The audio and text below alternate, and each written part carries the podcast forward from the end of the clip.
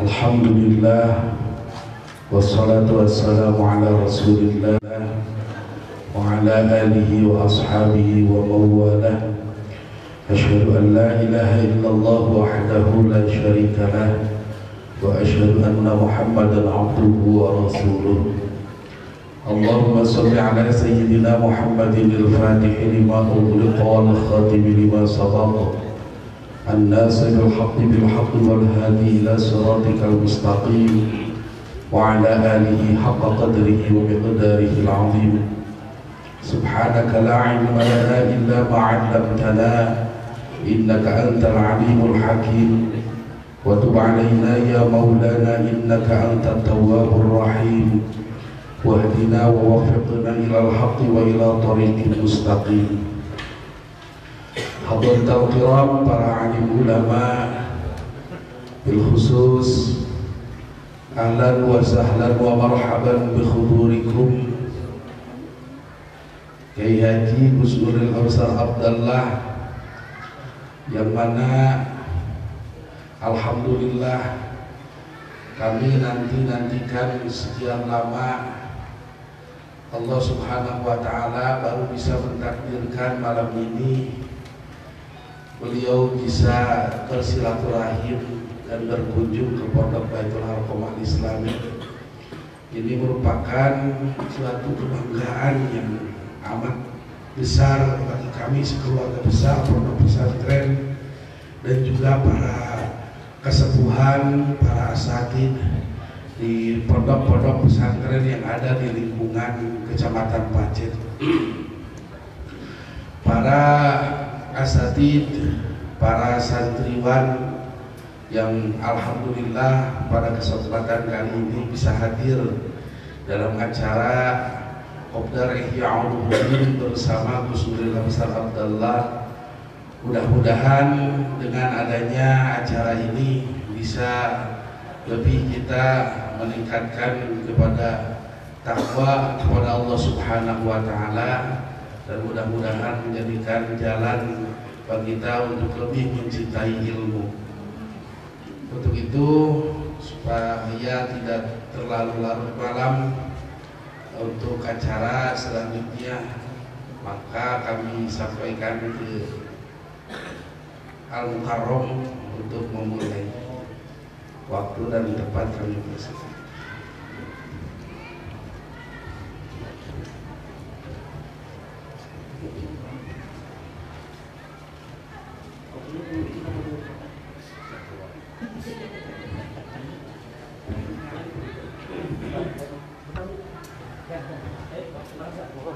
ada yang menemani saya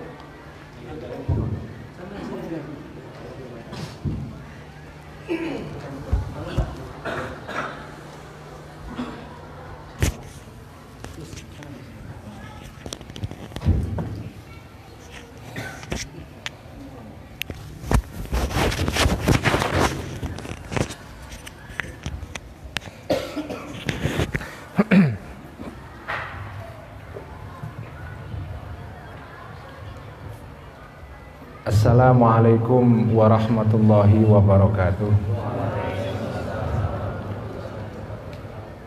Bismillahirrahmanirrahim. Alhamdulillahi rabbil alamin. Wassalatu wassalamu ala ashrafil anbiya'i wal mursalin. Sayyidina wa habibina wa maulana Wa qurrati a'yunina Muhammadin وعلى آله وأصحابه ومن تبعهم بإحسان إلى يوم الدين رب اشرح لي صدري ويسر لي أمري واحلل عقدة من لساني يفقه قولي رب زدنا علما وارزقنا فهما آمين يا رب العالمين أما بعد para masyayikh, para guru, para tokoh-tokoh masyarakat terutama zuriyah dan seluruh keturunan dari Mama Ki Haji Fakih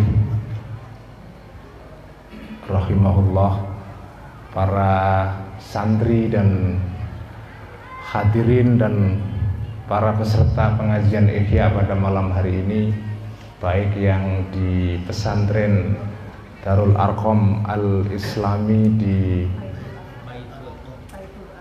Baitul Arkom Al Islami ya. E, di Pacet ini ya Bandung.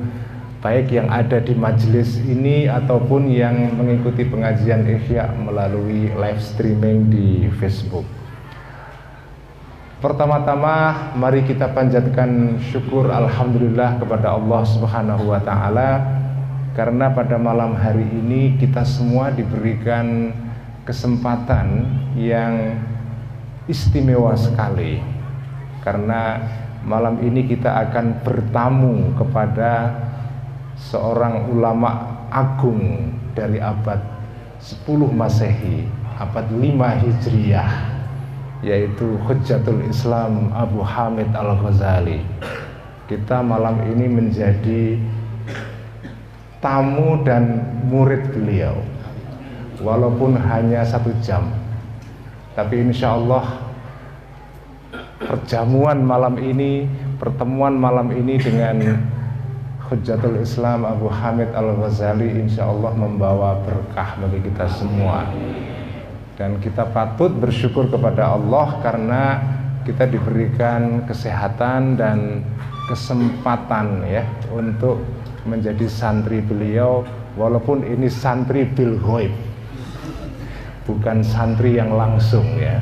Santri in absensia ya. Secara tidak langsung tetapi insya Allah nilainya tidak kurang ya. Dibanding dengan ngaji langsung bersama Imam Ghazali.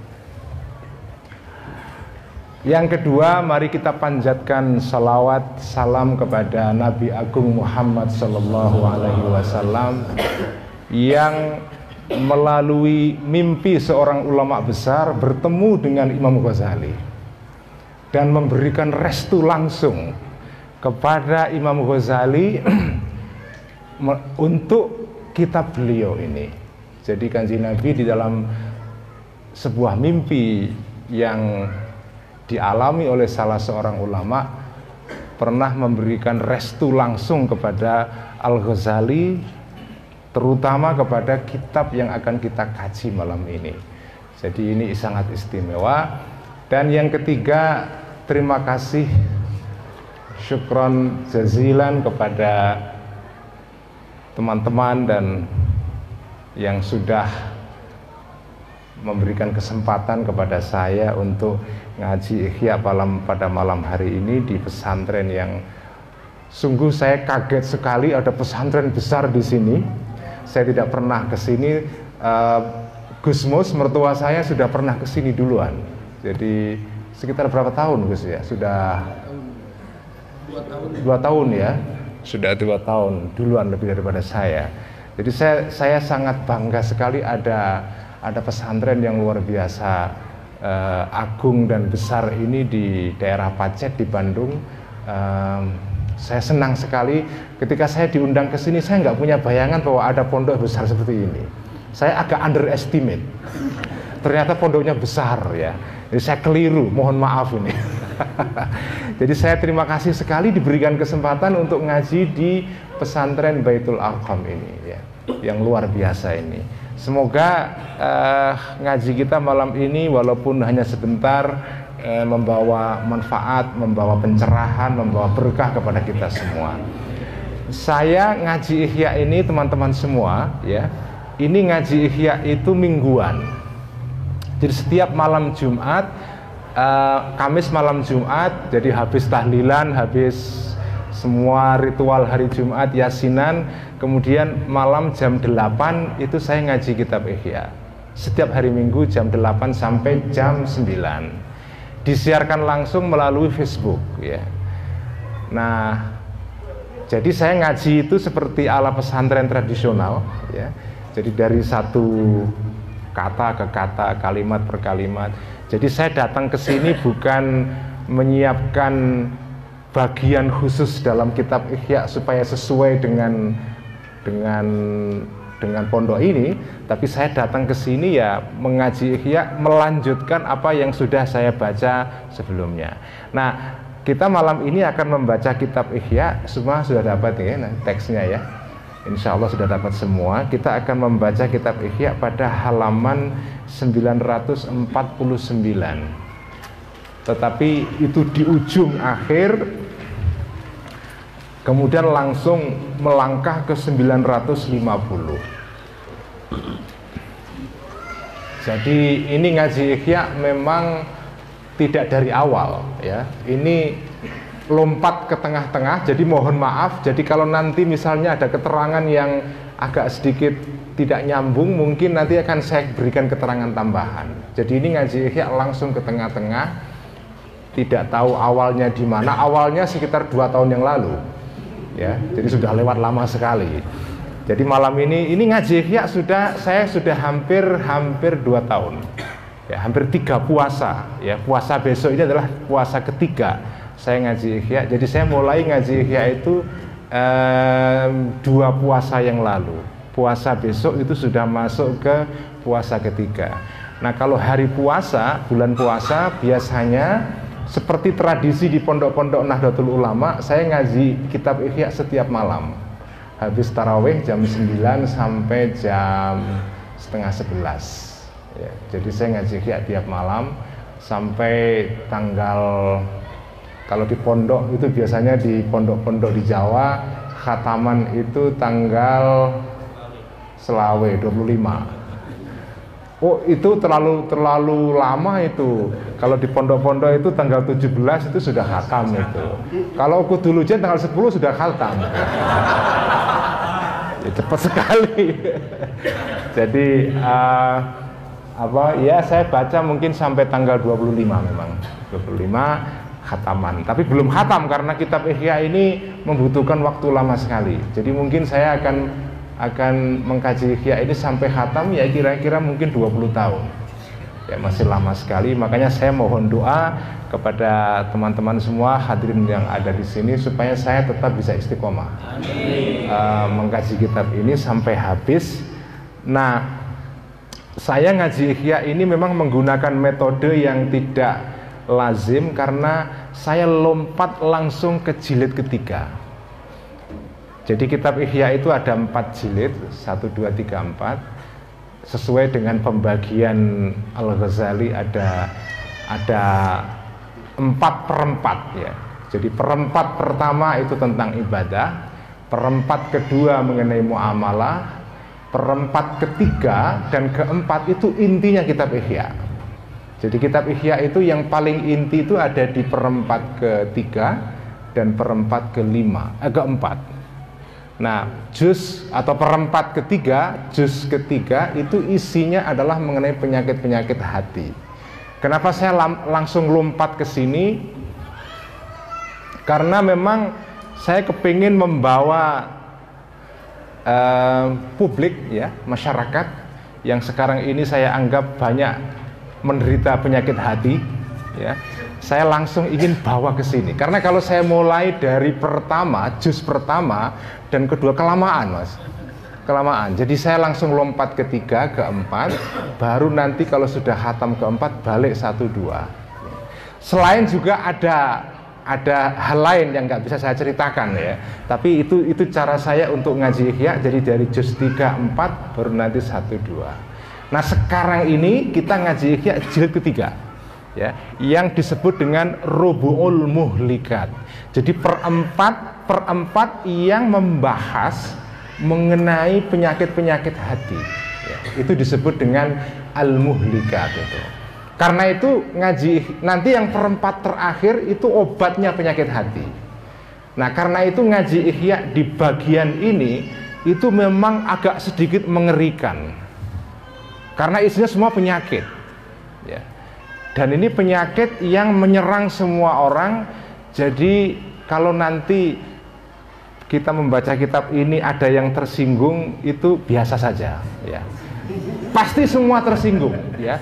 Mengaji kitab Ihya bagian jilid ketiga itu nyinggung banyak orang ya. Nyinggung banyak orang termasuk saya. Kadang-kadang saya agak agak berat ngaji kitab ini bagian ini ini karena saya tersinggung terus. Ya. Saya juga disinggung atau dikritik oleh kitab ini, tetapi tidak apa-apa ya, karena ini adalah pelajaran buat kita semua. Jadi mari kita akan baca eh, kitab Ihya pada halaman 949 pada baris terakhir ya wan nasu fihi arbaatun ya wan nasu fihi arbaatun kemudian langsung nanti beralih ke halaman 950 ya.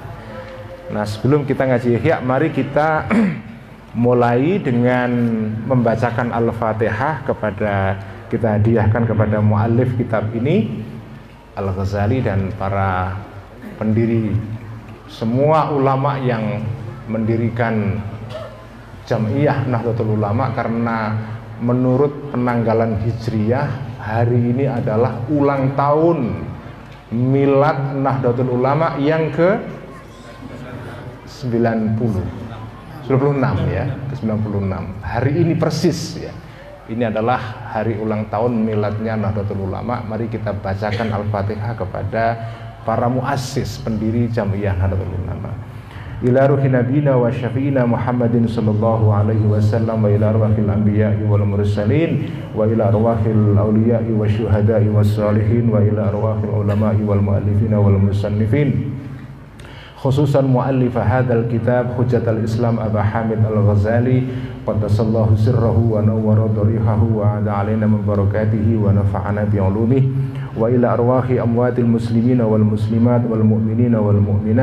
khususan arwaha muassisi jam'iyyati nahdlatul ulama ghafarallahu dhunubahum wa satara uyubahum wa yu'li darajatihim. Wa khususan ila arwahi muassisi hadzal ma'had Baitul Arqam Al-Islami khususan ila ruhi Kiai Mama Kiai Haji Faqih Mama Kiai Haji Ubaidillah Mama Kiai Haji Sofwan Kiai Haji Ali Imran Kiai Haji Yusuf Salim وذرياتهم وفروعهم وأصولهم وإلى أرواح آبائنا وأسدادنا وجدادنا ومشايخنا ومشايخ مشايخنا. شيء لله لهم الفاتحة. أعوذ بالله من الشيطان الرجيم. بسم الله الرحمن الرحيم. الحمد لله رب العالمين الرحمن الرحيم مالك يوم الدين إياك نعبد وإياك نستعين اهدنا الصراط المستقيم صراط الذين أنعمت عليهم غير المغضوب عليهم ولا الضالين آمين. بسم الله الرحمن الرحيم قال المؤلف رحمه الله تعالى ونفعنا به وبعلومه في الدارين آمين. رب يسر وأعين. Wanasu fihi arba'atun.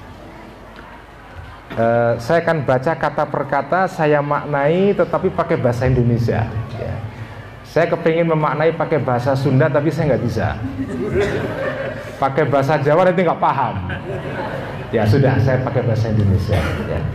Wanasu fihi arba'atun. Wanasu dan orang-orang manusia fihi di dalam hal ini yaitu hal meninggalkan kesenangan syahwat duniawi dan mendekatkan diri kepada Allah karena pada bagian sebelumnya para hadirin semua itu diterangkan bahwa kunci manusia mencapai kebahagiaan di dunia maupun di akhirat terutama di akhirat adalah semua orang sepakat ya kuncinya kebahagiaan di akhirat nanti itu adalah dengan cara kita melawan hawa nafsu ya melawan kesenangan-kesenangan duniawi nah di dalam hal ini yaitu di dalam hal melawan kesenangan-kesenangan duniawi ini manusia itu dibagi atas empat tingkat itu al awalu yang pertama ya halaman berikutnya ya Wal al awalu yang pertama, rojulun adalah seseorang. Ya. Di sini rojulun itu artinya laki-laki, tapi di sini juga menyangkut perempuan. Ya. Jadi ini bukan hanya diperuntukkan bagi laki-laki biasa saja ya, tapi juga menyangkut perempuan. Rojulun seseorang mustaghriqon yang menenggelamkan kolbahu terhadap hatinya orang tadi itu ditenggelamkan bizikrillahi di dalam atau dengan mengingat kepada Allah fala yaltafitu maka tidak tidak tidak apa itu condong, tidak menoleh ya. Tidak mengo. Kalau dulu di pondok Jawa mengo ya. Fala yaltafitu maka tidak menoleh orang tadi ila dunia kepada dunia illa fi daruratil ma'isyati kecuali di dalam kehidupan yang memaksa atau kebutuhan-kebutuhan dasar hidup ya itu daruratul ma'isyah Fahuwa maka orang ini rojul ini minas siddiqina dianggap sebagai golongan orang-orang yang siddiqin. Ini adalah level pertama.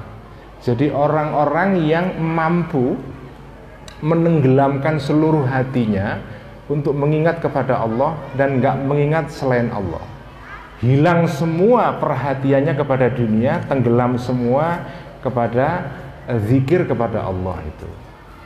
Nah, orang seperti ini, ini ini susah. Kita kita nggak bisa sampai sini ini. Susah ini.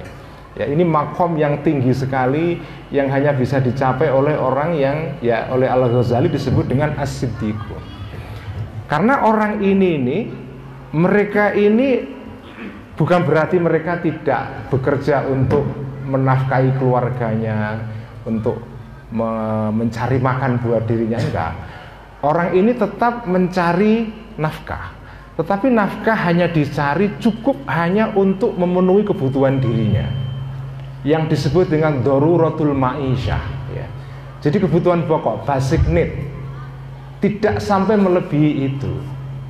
Nah, basic need itu berapa ukurannya? Nggak ada ukuran.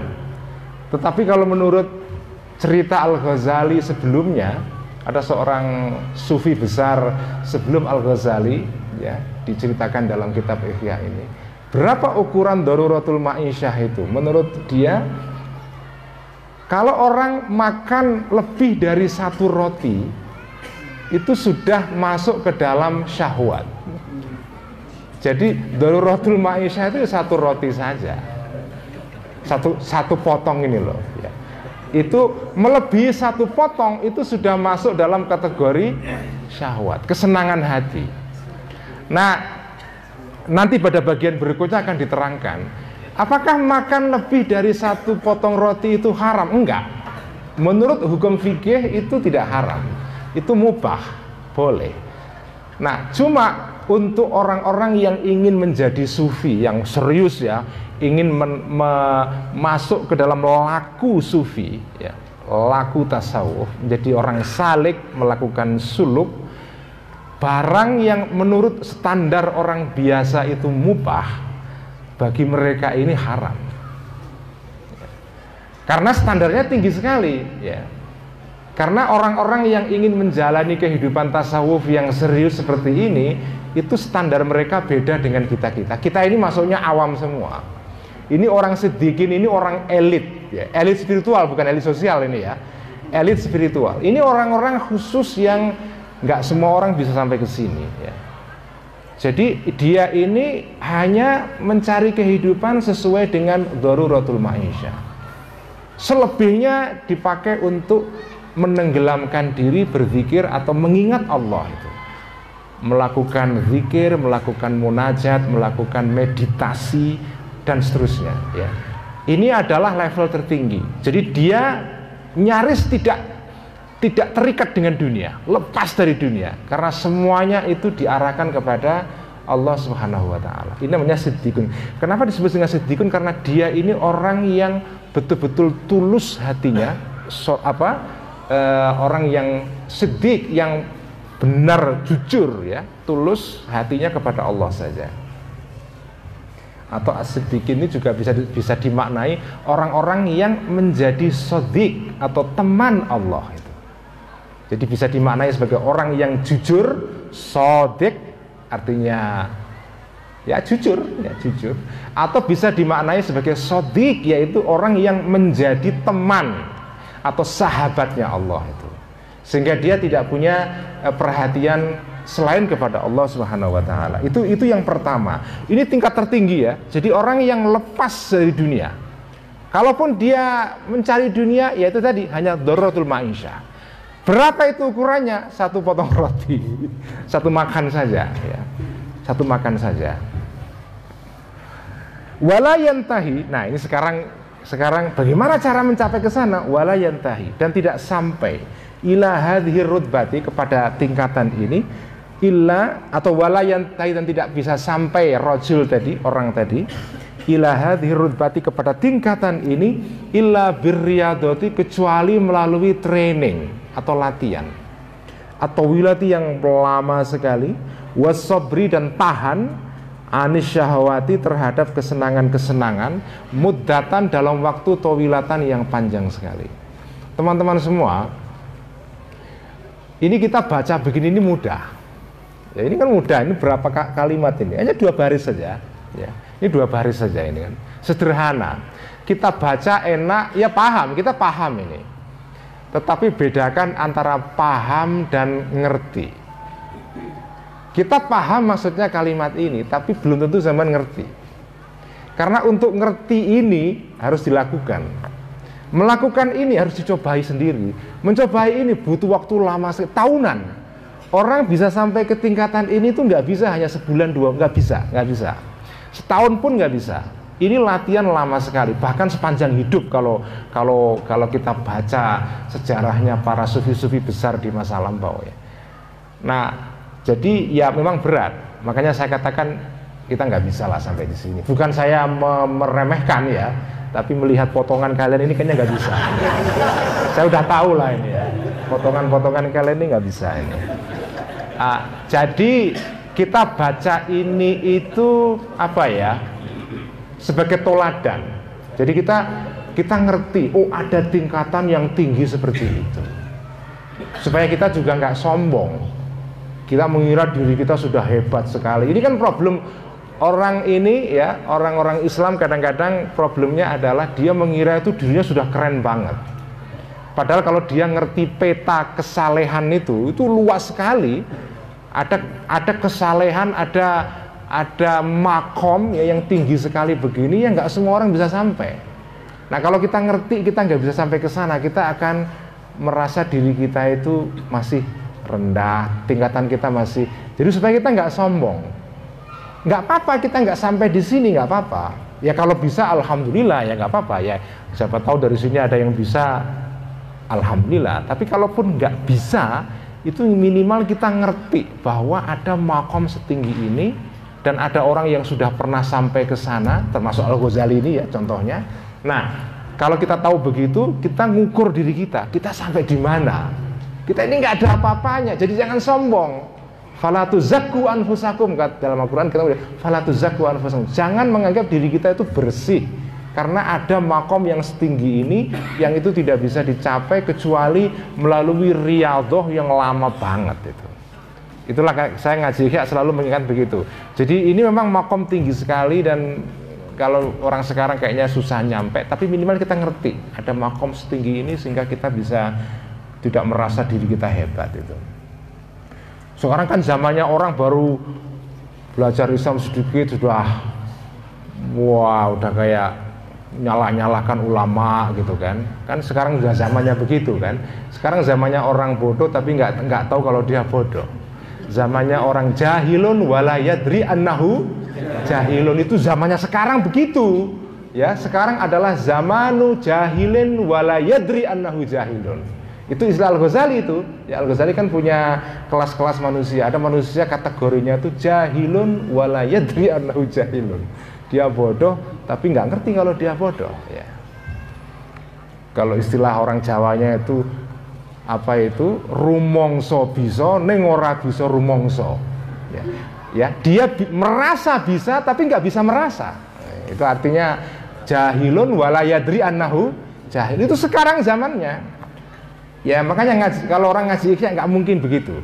Ya, insya Allah kita semua selamat dari penyakit inilah ya. Semoga kita nggak terjebak dalam penyakit ini. Penyakit jahilun walayadri annahu jahilun. Karena kita ngerti ada makom setinggi ini. Ya. Baik, sekarang makom kedua. Asani yang kedua. Asani yang kedua, rojulun ada seseorang ya, istaghraqat yang yang apa itu menenggelamkan yang apa itu? Menguasai dunia dunia. Kolbahu terhadap hatinya rojul ini.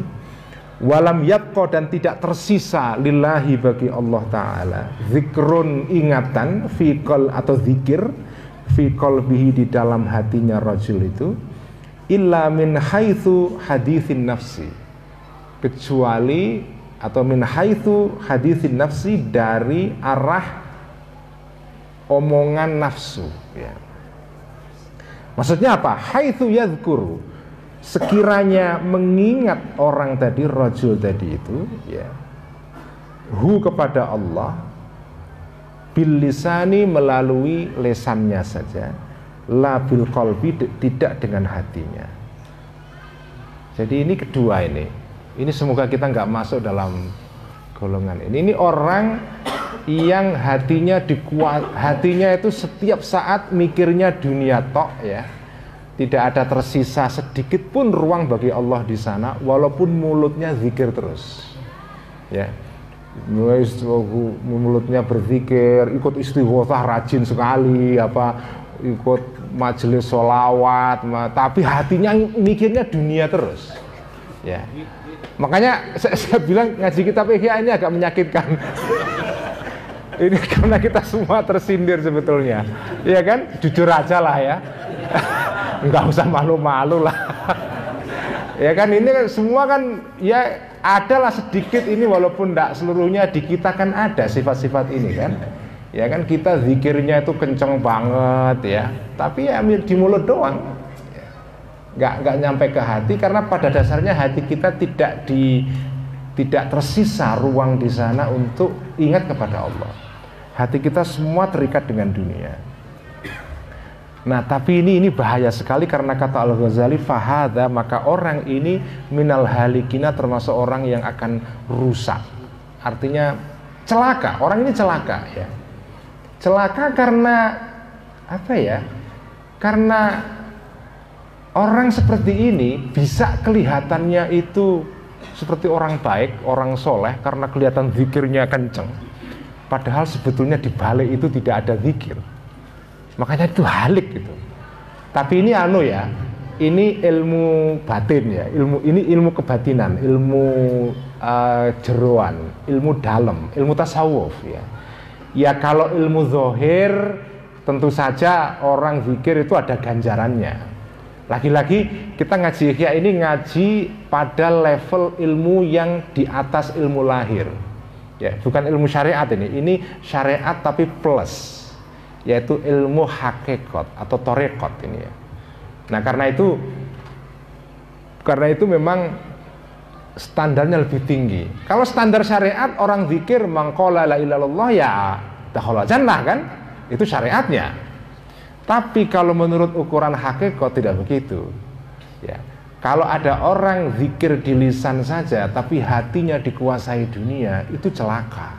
Itu kalau standar ilmu batin. Tapi kalau standar ilmu lahir ya ya dapat ganjaran dapat pahala tetap ya. Nah ini kan pilihan saja. Kita ini mau tetap hanya di level syariat atau, atau kita berusaha pelan-pelan ya. Sebagai seorang beriman kita berusaha untuk naik kelas.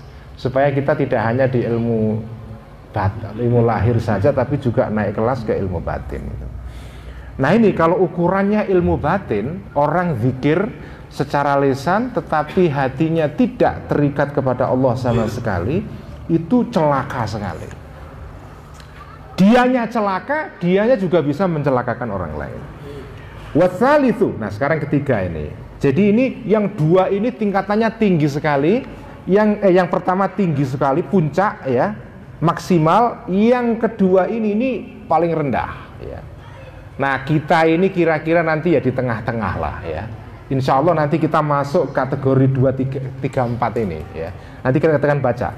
Wasal itu dan ketiga, golongan ketiga ini.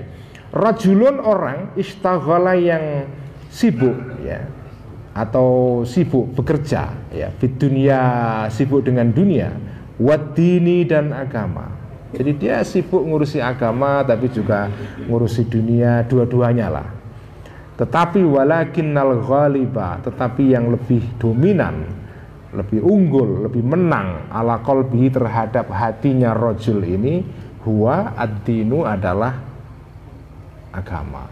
Jadi ya sibuk hatinya itu kadang zikir, kadang tidak, tapi presentasi zikirnya itu lebih tinggi. Maksudnya zikir beneran ya, kita zikir atau ingat kepada Allah itu lebih tinggi. Jadi dunia tidak terlalu menguasai diri kita.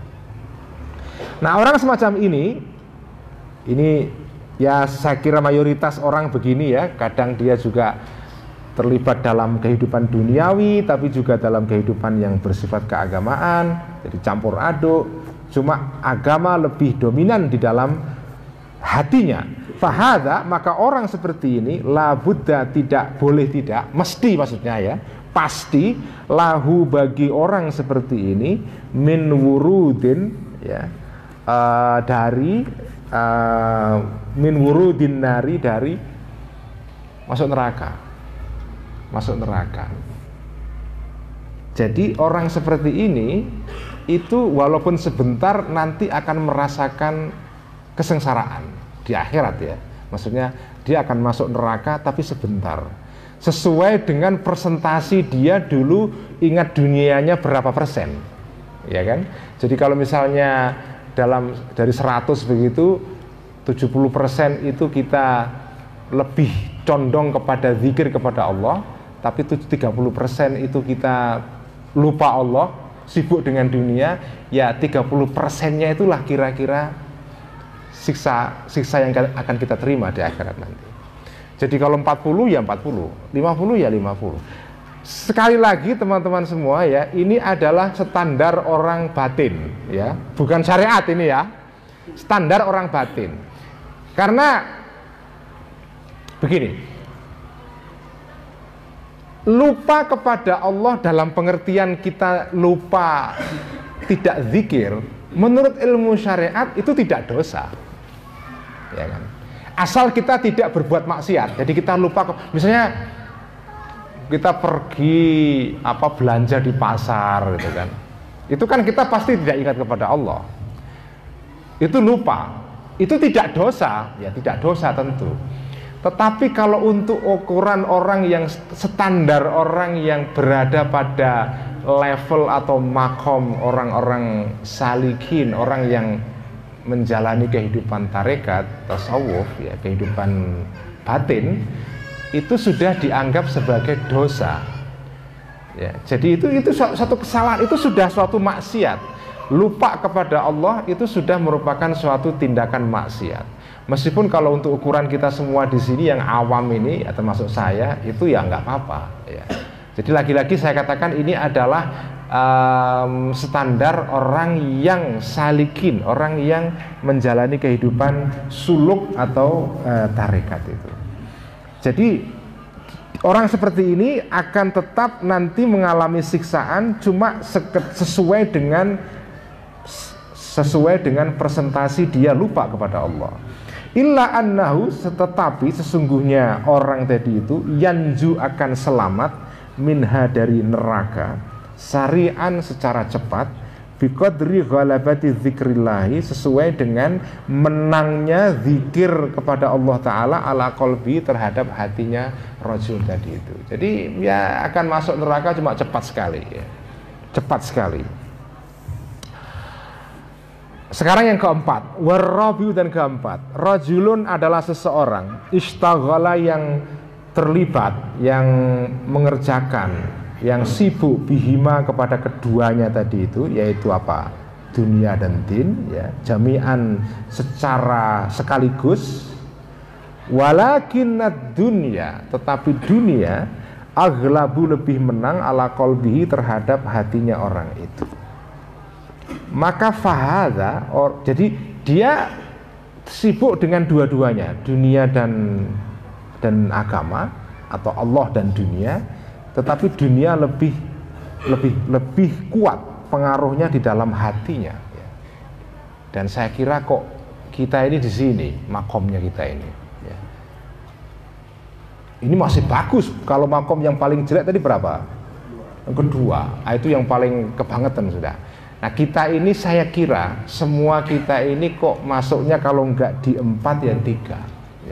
Ya. empat atau tiga. Kalau tiga, alhamdulillah. Kalau kalau empat itu masih ada harapan, ya. masih ada harapan. Jadi karena masih ada ingat kepada Allah pada hatinya orang itu.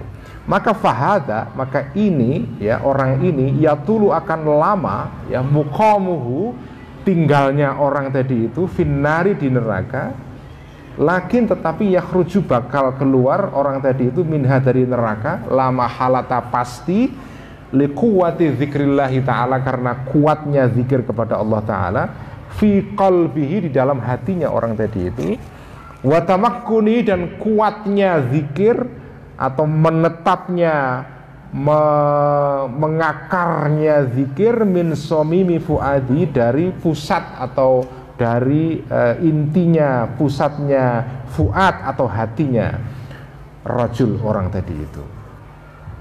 Jadi tetap dia akan selamat pada akhirnya tetapi dia akan lebih lama siksaannya itu uh, ini mungkin menjadi pertanyaan buat kita ya. Apa yang dimaksud dengan zikir Allah di sini? Ini kan di sini disebut zikir, zikir, zikir, zikir, zikir. Apakah zikir Allah di sini itu artinya adalah kita mengucapkan kalimat tahlil ya malam ini eh ini bukan malam Jumat ya Jumat kalau malam Jumat kan kita tahlil itu apakah itu namanya zikir atau bagaimana nah kalau untuk ukuran atau standar umum ya, ya zikir itu memang mengucapkan kalimat la ilaha illallah itu. Tapi yang disebut dengan zikir itu kalau menurut Al Ghazali kitab Ihya bukan itu. Ya. Zikir itu zikir itu bukan lisan. Lisan itu adalah kedua. Zikir itu pada akhirnya atau pada intinya adalah kesadaran kesadaran seperti yang di seperti yang di pernah disabdakan kanjeng Nabi di dalam hadis Jibril yang terkenal itu yang riwayat Sayyidina Umar bin Khattab ya ketika malaikat Jibril bertanya kepada kanjeng Nabi setelah bertanya tentang apa pertama iman kemudian Islam terakhir apa? Ihsan. Nah definisi ihsan menurut kanjeng Nabi itu ya kita sudah kenal semua anta'budallaha ka'annaka tarahu. Kita menyembah kepada Allah sebagai seolah-olah kita melihat Allah. Minimal kalau kita tidak seperti seolah-olah kita bisa melihat Allah fa illam takun tarahu fa innahu yaraka kalaupun kamu tidak bisa melihat Allah maka kamu merasa Allah melihat kamu setiap saat. Nah sekarang kita sekarang kita analisa ya hadis ini. Antak budallah kamu menyembah kepada Allah seolah-olah kamu melihat Allah. Apakah antak Buddha di sini artinya adalah pada saat kita sholat saja? Karena kan selama ini artinya antak Buddha beribadah Beribadah itu kan kalau dalam pengertian awam artinya adalah kita sholat, kita puasa, kita zakat, kita haji. Apakah artinya kita menyembah kepada Allah, ingat kepada Allah itu pada saat kita sholat saja? Nah, kalau untuk pengertian awam mungkin itu bisa. Tapi kalau untuk ukuran orang yang ingin mencapai level ihsan yang paling tinggi itu, itu antak Buddha itu bukan artinya adalah kita mengingat kepada Allah pada saat ibadah yang mahdoh yaitu sholat saja. Karena seluruh hidup kita ini kan pada dasarnya apa? Ibadah kan? Dengan kata lain kita sepanjang hidup ini sudah seharusnya mestinya merasa kehadiran Allah itu terus berada bersama kita. Kapan, kapan pun kita ya baik pada saat kita beribadah secara mahdoh, sholat misalnya, ataupun pada saat kita tidak beribadah, kita melakukan kegiatan duniawi, kita pergi ke kantor, kita pergi ke pasar, kita kita sekedar kita bermain sepak bola misalnya, tenis, pingpong atau apa. Semua kegiatan-kegiatan itu sebetulnya kan kalau diniati dengan benar itu kan sebetulnya punya potensi untuk dinilai sebagai ibadah di mata Allah itu. Karena itu sebetulnya antak budallaha ka'annaka tarahu itu sebetulnya adalah kita hidup ini sebetulnya seharusnya itu ka'annaka tarahu. Seolah-olah kita ini melihat kepada Allah itu. Kalaupun kita tidak bisa melihat Allah, minimal kita itu adalah dilihat oleh Allah itu. Jadi kalau kita tidak kita adalah yang melihat, kita aktif, itu itu itu para wali yang sudah sampai kepada makom namanya musyahadah. Apa itu namanya musyahadah? Musyahadahnya melihat. Tentu saja bukan melihat dengan mata, tapi dengan basirah mata hati. Jadi orang yang sudah bisa merasakan sepanjang hidupnya, dia melihat Allah itu itu namanya orang yang sudah sampai kepada makom syahadah. Nah, pada makom ini itulah ihsan tertinggi. Nah, orang ini kalau sudah sampai lupa kepada hal semua hal selain Allah, dia siddiqun. Tapi kalau kita mulut kita ingat, kita berpikir, tapi hati kita tidak syahadah, itu halikin yang kedua tadi itu. Tapi kalau kita kadang lupa, kadang ingat, kadang lupa, kadang ingat, kalau lupanya lebih banyak itu kita masuk di level ketiga. Tapi eh kalau ingatnya lebih banyak, tapi kalau lupanya lebih lebih banyak kita masuk ke level keempat ini. Nah, saudara-saudara sekalian, mungkin nggak sih kita sampai kepada kesadaran seperti ini? Mungkin sebetulnya. Mungkin dan tidak mensyaratkan kita masuk torekot kalau mau masuk tarekat bagus. Tapi kalaupun Anda tidak masuk tarekat itu bisa. Jadi tasawuf itu tidak berarti Anda masuk tarekat. Ada tasawuf yang memakai tarekat, ada tasawuf yang tidak memakai tarekat. Karena Imam Ghazali sendiri ini ya, mau ada ikhtilaf tapi kalau kita baca sejarahnya beliau sendiri sebetulnya tidak mendirikan torekot dan tidak mengikuti torekot tertentu. Tapi beliau menjalani kehidupan torekoh yang luar biasa. Karena beliau pernah menjalani munajat atau apa uh, uzlah ya selama hampir lebih dari 10 tahun. Dan di ujungnya beliau mengarang kitab Ihya ini.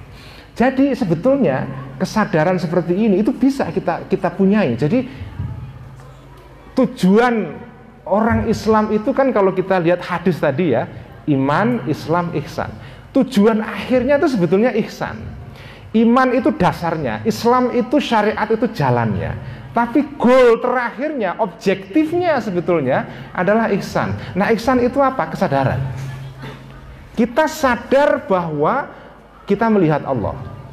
Itu itu paling tinggi. Tapi kalau tidak bisa ya di bawahnya kita sadar betul Allah melihat kita.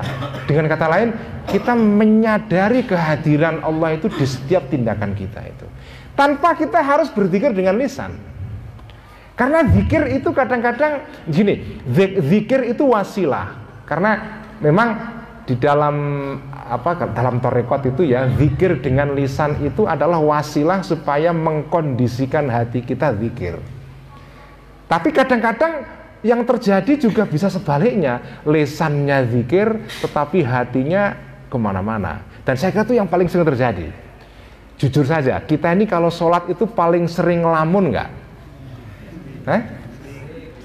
ya kan? Imam Ghazali sendiri mengatakan begitu dalam kitab Ihya. Saya baca beberapa bulan yang lalu. Orang kalau sedang sholat itu adalah saat paling nikmat untuk mikir banyak hal. Bener nggak jujur saja lah ya. Nggak usah sok khusyuk lah kita semua begitu. Sholat adalah saat paling nikmat untuk ngelamun. Sebagaimana khut, saat khutbah saat paling nikmat untuk ngantuk. Untuk tidur, ya kan? Ya, sholat itu salat saat paling nikmat untuk mikir apa saja. Nggak ngerti.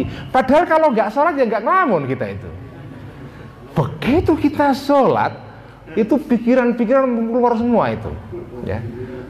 Keluar semua, file-file lama itu muncul itu. Ya. Yang nggak pernah muncul pada saat di luar sholat, begitu sholat muncul semua. Ya, nggak tahu saya, begitu. Saya juga ngalami begitu. Ya. Nah itu, jadi um, godaan paling besar memang untuk orang berzikir adalah zikir bil lisan tapi tidak diikuti zikir dengan hati. Nah, kalau begitu, maka kita harus membalik ya dibalik. Kalau kita tidak bisa konsentrasi karena sibuk dengan zikir bilisan saja coba kita ubah strateginya. Yaitu kalau dalam sebagian tarekat disebut dengan zikir khofi ya kan? Kalau zikir jahri itu malah membuat kita malah ngelamun kan? Malah mikir macam-macam dan itu sering terjadi ya. Ya sekarang kita ubah tekniknya. Kita zikir khofi ya. Zikir khofi zikir yang tidak disertai dengan lesan kita ngomong ya. Nah, tapi itu semua sebetulnya ujungnya kan untuk mengkondisikan keadaan dalam diri kita supaya kita ini merasa kehadiran Allah itu sebetulnya itu terus ada gitu. Jadi um, sebetulnya ilmu tarekat seperti ini itu kelihatannya angker serem ya, tapi sebetulnya sebetulnya sebetulnya sederhana ya, sederhana. Ya, intinya adalah orang itu merasakan kehadiran Allah secara permanen terus menerus itu. Nanti di bagian akhir itu, di bagian nanti di ujung itu Al Ghazali menyerangkan begini. Orang itu biasanya, orang itu biasanya kalau dalam situasi lega, dompet masih tebal, awal bulan baru gajian, uh, duit masih banyak, itu biasanya hatinya itu mengeras.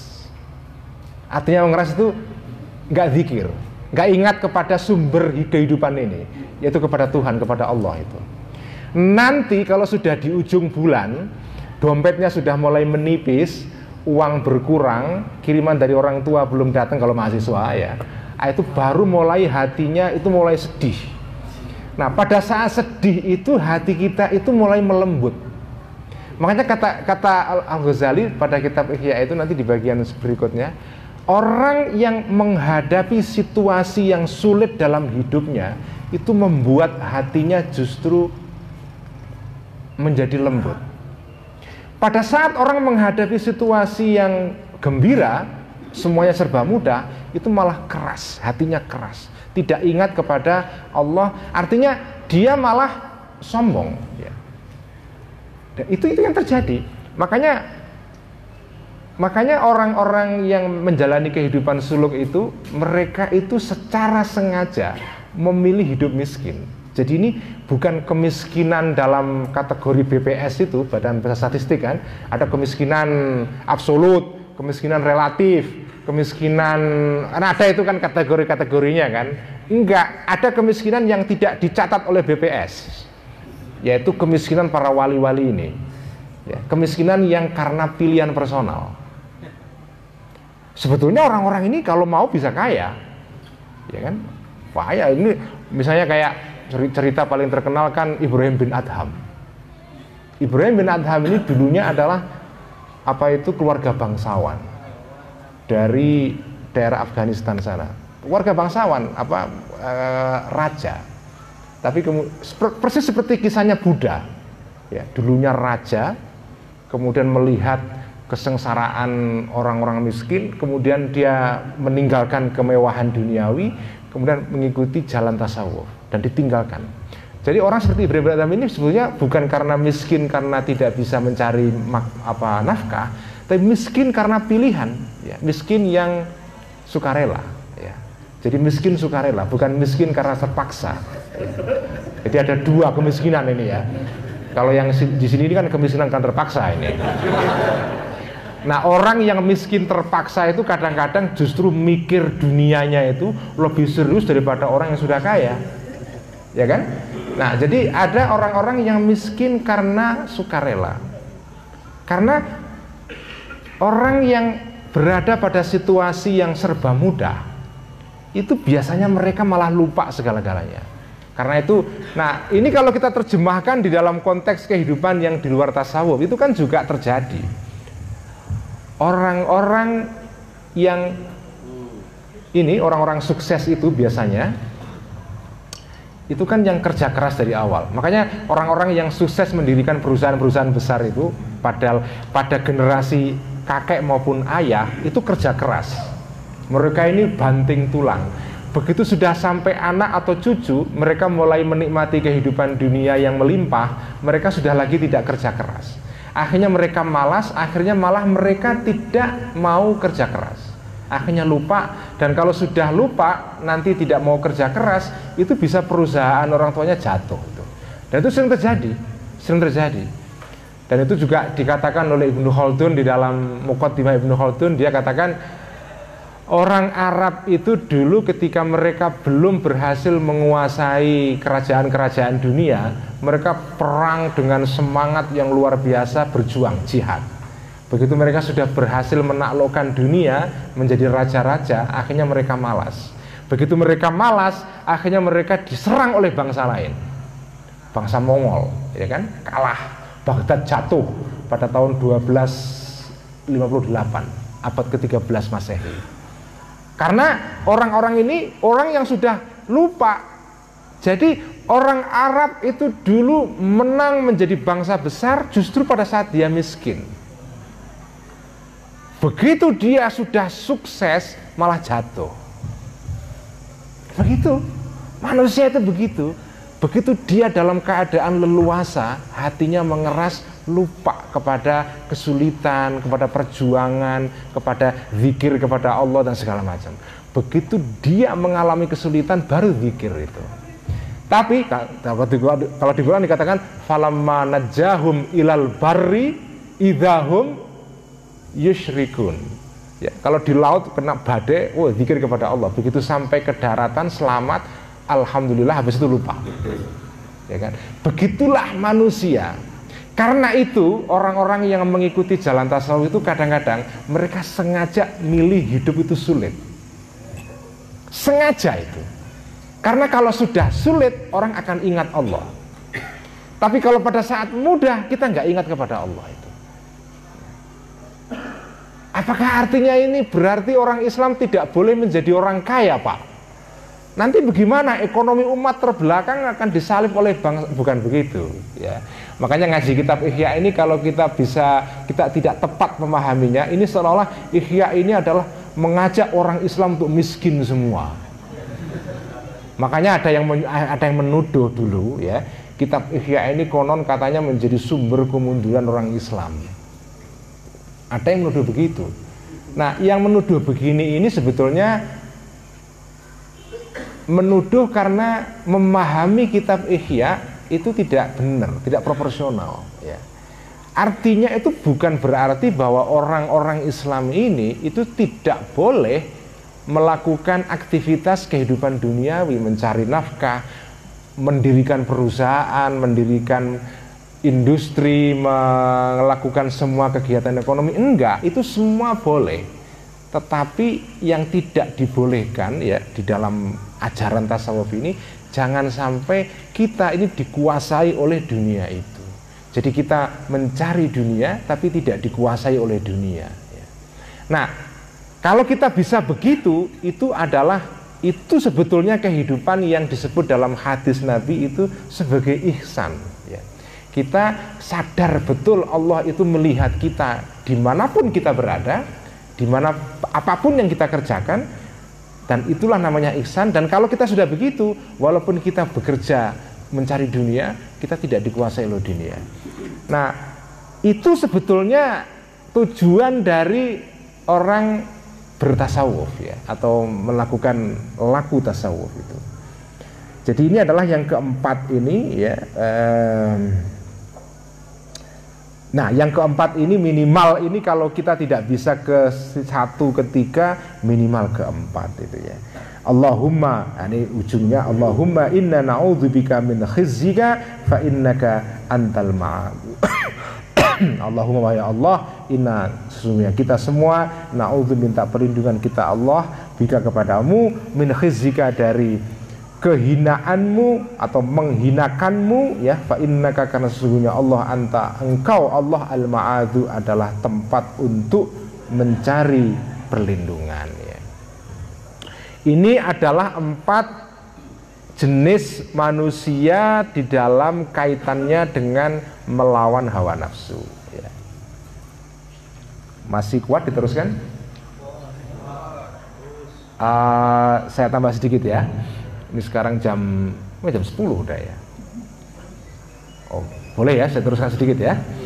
Warubbama ya, warubbama dan barangkali ya. Warubbama yakulu dan barangkali mengatakan al-qailu seorang seseorang yang mengatakan. Mungkin ada orang yang kira-kira menyangkal ya, mendebat itu maksudnya warubbama yaqulul qail Inna tana'uma bil mubahi mubahun ya. Inna tana'uma sesungguhnya menikmati bil mubahi terhadap sesuatu yang mubah, yang boleh Mubahun adalah boleh ya. Makan Tadi kan dikatakan Qadrut apa daruratul ma'isyah itu kalau menurut standar yang tinggi sekali tadi itu satu roti satu potong itu sudah cukup. Lebih dari itu adalah syahwat. Apakah makan dua potong roti itu haram? Kan mubah itu. Kan di Quran dikatakan wakulu washrobu, ya. Wakulu washrobu. Ya makan boleh dong. Masa makan dua potong roti dianggap syahwat yang itu dilarang gitu kan? Jadi menikmati sesuatu yang mubah, misalnya makan sampai kenyang sekali, itu kan tidak haram. Secara hukum zohir, syariat, fikih nggak haram. Asal itu, asal ada level halalnya MUI aja, ya kan? Ya kan? Halal. Walaupun kita makan sampai kenyang sekali, mubah. Inna tana'uma bil mubahi mubahun. Ini ini adalah kaidah syariatnya. Ya. Jadi kan boleh apa ya Syekh Ghazali atau Imam Ghazali. Fakaifa maka bagaimana yakunu ada at-tana'umu menikmati dengan sesuatu yang mubah tadi itu sababal bu'di ya menjadi sebabnya jauh minallahi dari Allah azza wajalla. Bagaimana mungkin kan Allah membolehkan makan sampai kenyang juga nggak ada larangan Kenapa disebut makan sampai kenyang itu atau menikmati barang yang mubah sampai berlebihan itu disebut bisa membuat kita jauh menjauh ya menjadi jauh dari Allah itu. Kenapa? Ya. Ini kan kontradiksi kira-kira. Nah warubama yakul koilnya ini kira-kira adalah kiai syariat ini. Ya ini kiai syariat ini ya, bukan kiai hakikat ya. Makanya saya bilang Imam Ghazali itu yang dikritik itu bukan hanya para filosof. Memang beliau ngarang kitab Tahafutul Falasifa. Itu kritik terhadap para filosof. Tapi Imam Ghazali itu yang dikritik bukan para filosof saja. Kalau kita baca kitab Ihya ini yang dikritik kebanyakan bukan filosof, tapi malah ulama syariat. Para fukoha. Karena itu kitab Ihya ini dulu setelah dikarang oleh Imam Ghazali 8 tahun setelah dikarang itu ada fatwa di Andalusia di Spanyol seorang kodi di negara Islam di Andalusia ketika itu ya masih hidup Imam Ghazali ya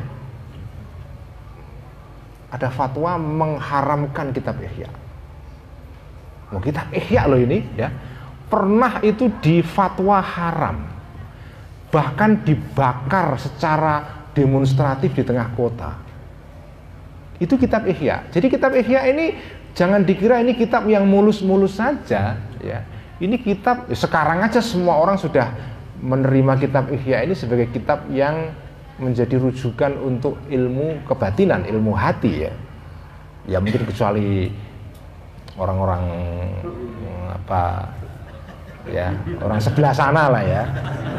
ya ada yang benci kitab Ihya ada sampai sekarang juga ada tapi dulu itu ada fatwa untuk meng, apa, menganggap kitab ini sesat ya karena apa? Karena kitab Ihya ini dianggap kitab yang seperti dianggap memusuhi para fukoha, para kiai-kiai lahir, kiai syariat. Jadi tersinggung para kiai-kiai syariat ini ya Bang. Oh, ini apa ini? Penistaan agama ini kira-kira gitu. Jangan penistaan agama ini. Wah, apa kayak ya gitulah pokoknya gitu. Jadi Imam Ghazali itu pernah di apa di fatwa gara-gara kitab Ihya ini di fatwa dia apa itu kitabnya ini berbahaya ya. Makanya sampai sampai makanya ada itu cerita kemudian ada ada apa ada kodi yang memfatwakan ini mengharamkan kitab Ihya ini konon ceritanya ya satu saat mimpi ketemu kanjeng Nabi ya.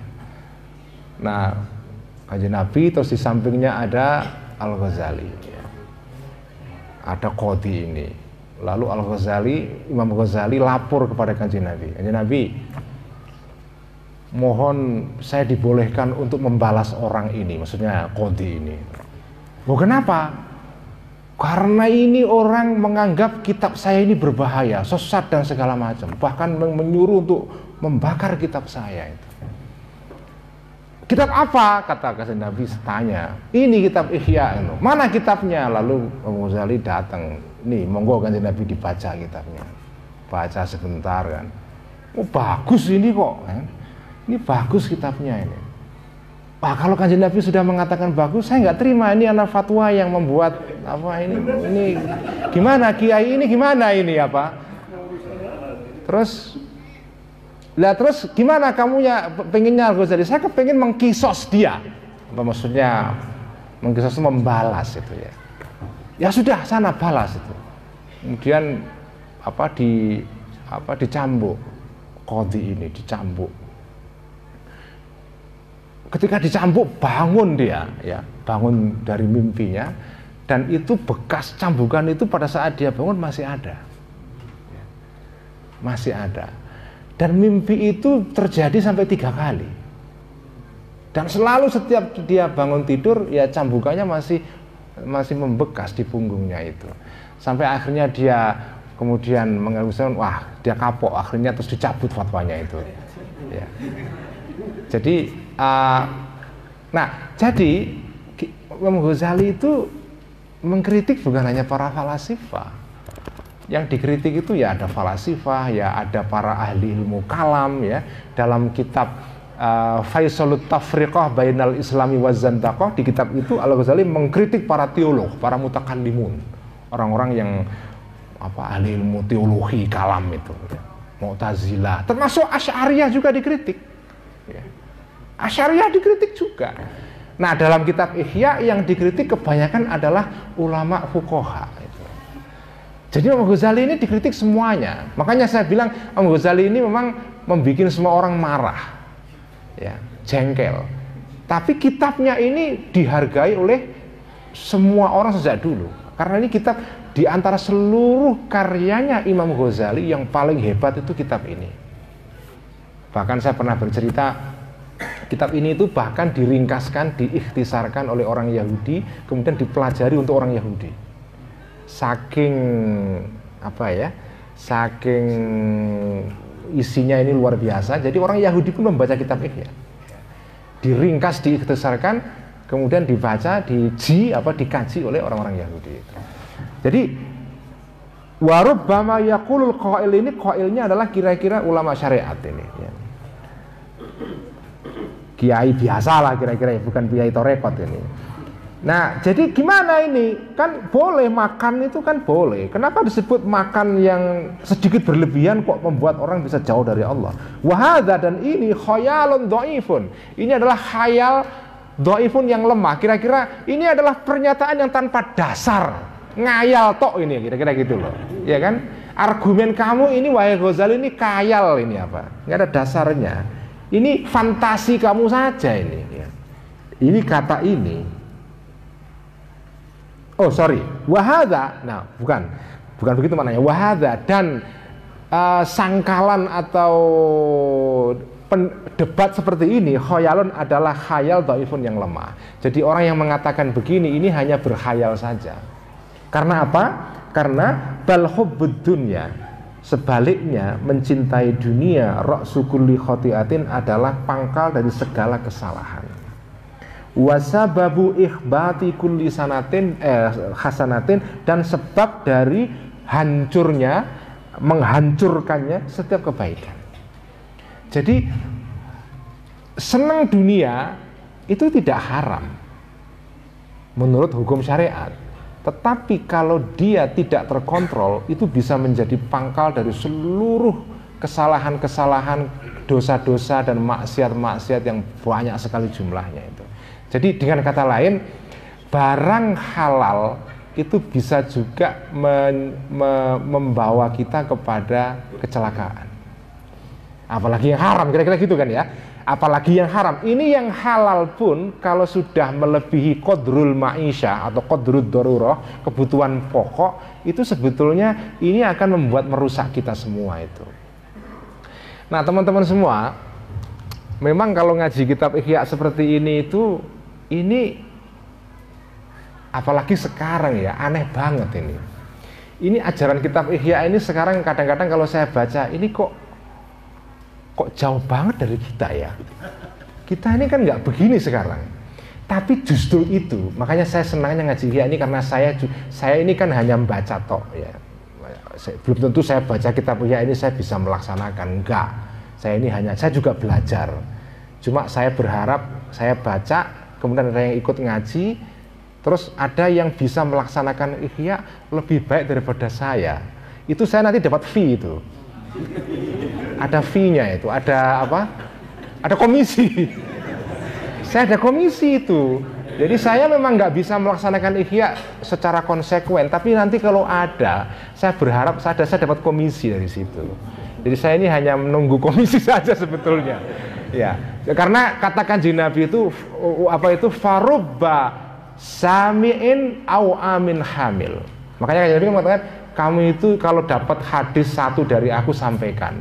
Walaupun kamu nggak paham, tapi kalau kamu sampaikan mungkin ada orang yang paham. Nggak apa-apa karena orang yang mendengar kadang-kadang lebih paham daripada yang menyampaikan itu. Ya. Itu harapan saya. Dan kalau yang mendengar nanti paham melaksanakan itu, kita dapat pahala juga. Makanya enaknya ngaji begitu. Ya.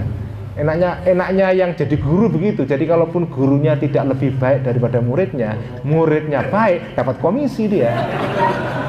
itu, itu ilmunya guru begitu sebetulnya. jadi kalau Nah, teman kalau muridnya jelek ya kita nggak dapat komisi. Ya, nggak dapat komisi itu. Jadi ini kalau kita baca kitab Ihya ini ya, sebetulnya ini memang Ihya kalau kita baca ini, ini kita seperti melihat suatu perspektif yang beda tentang kehidupan. Apa perspektifnya? Begini, teman-teman semua ya, kita ini sekarang hidup di dalam satu masa di mana kita tuh menikmati kelimpahan berlimpah ruahnya dunia. Sekarang itu orang mau beli pakaian itu kan mudah banget. Bandingkan dengan generasinya mama siapa? Fakih atau sebelumnya lagi gitu ya. Zaman kakek saya dulu itu orang ganti baju itu baru lebaran tuh betul-betul harafiah. Lebaran tuh baru ganti baju baru. Makanya apa baju baru alhamdulillah itu beneran dulu kalau sekarang mah nggak usah nunggu lebaran ya dulu itu lebaran itu betul-betul saat yang menggembirakan karena memang orang ganti baju itu setahun sekali bukan apa-apa pertama miskin kedua barangnya nggak ada Barangnya nggak ada. Kenapa? Karena dulu belum ada mesin yang bisa membuat memproduksi barang massal. Nah sekarang ini saudara-saudara di era kapitalisme ini, kapitalisme yang sudah canggih ini, itu barang itu masya Allah banyak dan makanya saya senang dengan mengaji ihya tasawuf ini karena saya ingin orang itu sadar bahwa kita ini sebetulnya Jangan-jangan kita ini hidup nggak normal. Jangan-jangan kita itu nggak normal. Coba bayangkan. Orang modern sekarang ini itu mengkonsumsi barang karena murah itu tanpa mikir mikir panjang. Ya. Dis, apalagi diskon ya. Apalagi sekarang ada online, apa beli online, apa Lazada, apa klak klik klak klik klak klik kan. Belanja kan mudah sekali wah pilih ini pilih ini pilih ini kalau duit nggak apa busak lagi apa delete lagi apa ganti ini ganti ini ganti ini mudah sekali ya belanja itu sudah kayak dan sekarang itu orang itu kadang-kadang menikmati belanja walaupun tidak tidak memakai belanjaannya ya kan orang sekarang itu belanja itu dinikmati sebagai belanja. Jadi orang belanja itu nikmat. Membeli barang itu nikmat sekali. Padahal setelah dibeli nggak dipakai. Itu sering kali kita itu ada barang baru beli, handphone aja sampai 34 itu ya, nomornya uh, ganti-ganti itu. Itu kenapa? Karena ya murah sekarang barang-barang itu. Nah, itu saudara-saudara, itu kan sebetulnya nggak normal. Coba bayangkan, memproduksi barang-barang itu, itu elemen paling dasar dalam memproduksi barang itu adalah energi. Ya kan, energi. Energi, ya. Listrik terutama, listrik. Bahan bakar, ya. Bahan bakar itu dari mana sumbernya? Bahan bakar yang paling banyak dipakai sekarang bahan bakar yang berupa bahan bakar fosil, minyak, batu bara. Itu semua apa yang terjadi? Eksploitasi bumi kita. Jadi sebetulnya konsumsi barang-barang yang kita lakukan sehari-hari begitu mudah itu, itu kan sebetulnya menimbulkan kerusakan yang luar biasa dalam kehidupan kita itu. Nah, sebetulnya orang-orang Barat itu bapak dan ibu sekalian ya, di sini ada ibu nggak ya? Ada ya. Bapak-bapak lah udah lah ya. Sekarang itu sudah mulai muncul kan kesadaran orang modern bahwa ini semua salah itu semua salah. Makanya sekarang ada gerakan mengurangi penggunaan plastik. Kalau belanja tidak usah pakai apa kantung plastik bawa sendiri. Jadi kan kalau ke Hong Kong ya itu belanja ke apa warung-warung apa Indomaretnya sana itu nggak bakalan belanja itu kita diberi plastik nggak sedia plastik beli juga nggak ada saya pernah ke sana gitu karena kan di sini biasa kalau belanja ya di Indomaret plastik gratis kan saya beli nggak ada plastik. Jadi harus bawa begini sendiri pakai tangan. Wah wah kurang ajar ini apa. Jadi ya kita ya tapi saya mikir juga benar juga ini ya. Kita harus mengurangi penggunaan plastik karena itu merusak lingkungan kita. Jadi sebetulnya sekarang itu sudah mulai muncul kesadaran di dalam masyarakat modern untuk kembali kepada hidup yang normal Nah sebetulnya ikhya itu dengan ajaran seperti ini tadi itu ya Orang boleh menikmati dunia adalah pada kodrul doruratul ma'isyah Itu perspektif ini doruratul ma'isyah ini Kalau kita terapkan dalam kehidupan sehari-hari kita Itu akan membuat revolusi yang dahsyat Revolusi mental itu si ini sebetulnya itu Ya ini Pak Jokowi kalau mendengarkan pengajian malam ini Ini penting ini Do, ya doruratul ma konsep doruratul maisha itulah sebetulnya revolusi mental. Apa intinya doruratul maisha? Kita hidup sesuai dengan kebutuhan kita. Jangan apa namanya menimbun, ya, jangan menimbun. Jangan menyimbun. Itu ajaran pokok dalam dalam tasawuf itu. Jadi jangan menimbun. Nah, Tentu saja kalau tasawuf ini tujuannya adalah mencapai kehidupan spiritual yang tinggi yaitu kita sampai wusul kepada Allah. Tapi cara hidup seperti ini pun itu untuk ukuran duniawi pun itu sehat. Ya kan? Sehat. Kita tidak menimbun misalnya, kita nggak menimbun lemak dalam diri kita. Sehat kan? Karena kita makan sesuai dengan kebutuhan. Walaupun misalnya ya kulu wasrobu iya tapi kan walatus ribu coba walatus ribu itu berapa kaidahnya? Kan nggak ada. Ya kalau di dalam tasawuf dikatakan lebih dari satu roti itu sudah isrof uh, itu kan keren itu. Nah saudara-saudara ini sebetulnya sudah dilaksanakan kalau sudah orang kena diabetes kena penyakit gula itu sudah itu ya lebih dari satu pot. Oh, sekarang makannya nasinya aja cuma berapa? Segini aja kan? Apa? Satu digrami ditimbang sekarang ya kan? Artinya kita ini baru mau begini kalau sudah kena penyakit. Begitu kita kena penyakit baru mau menjadi sufi gitu.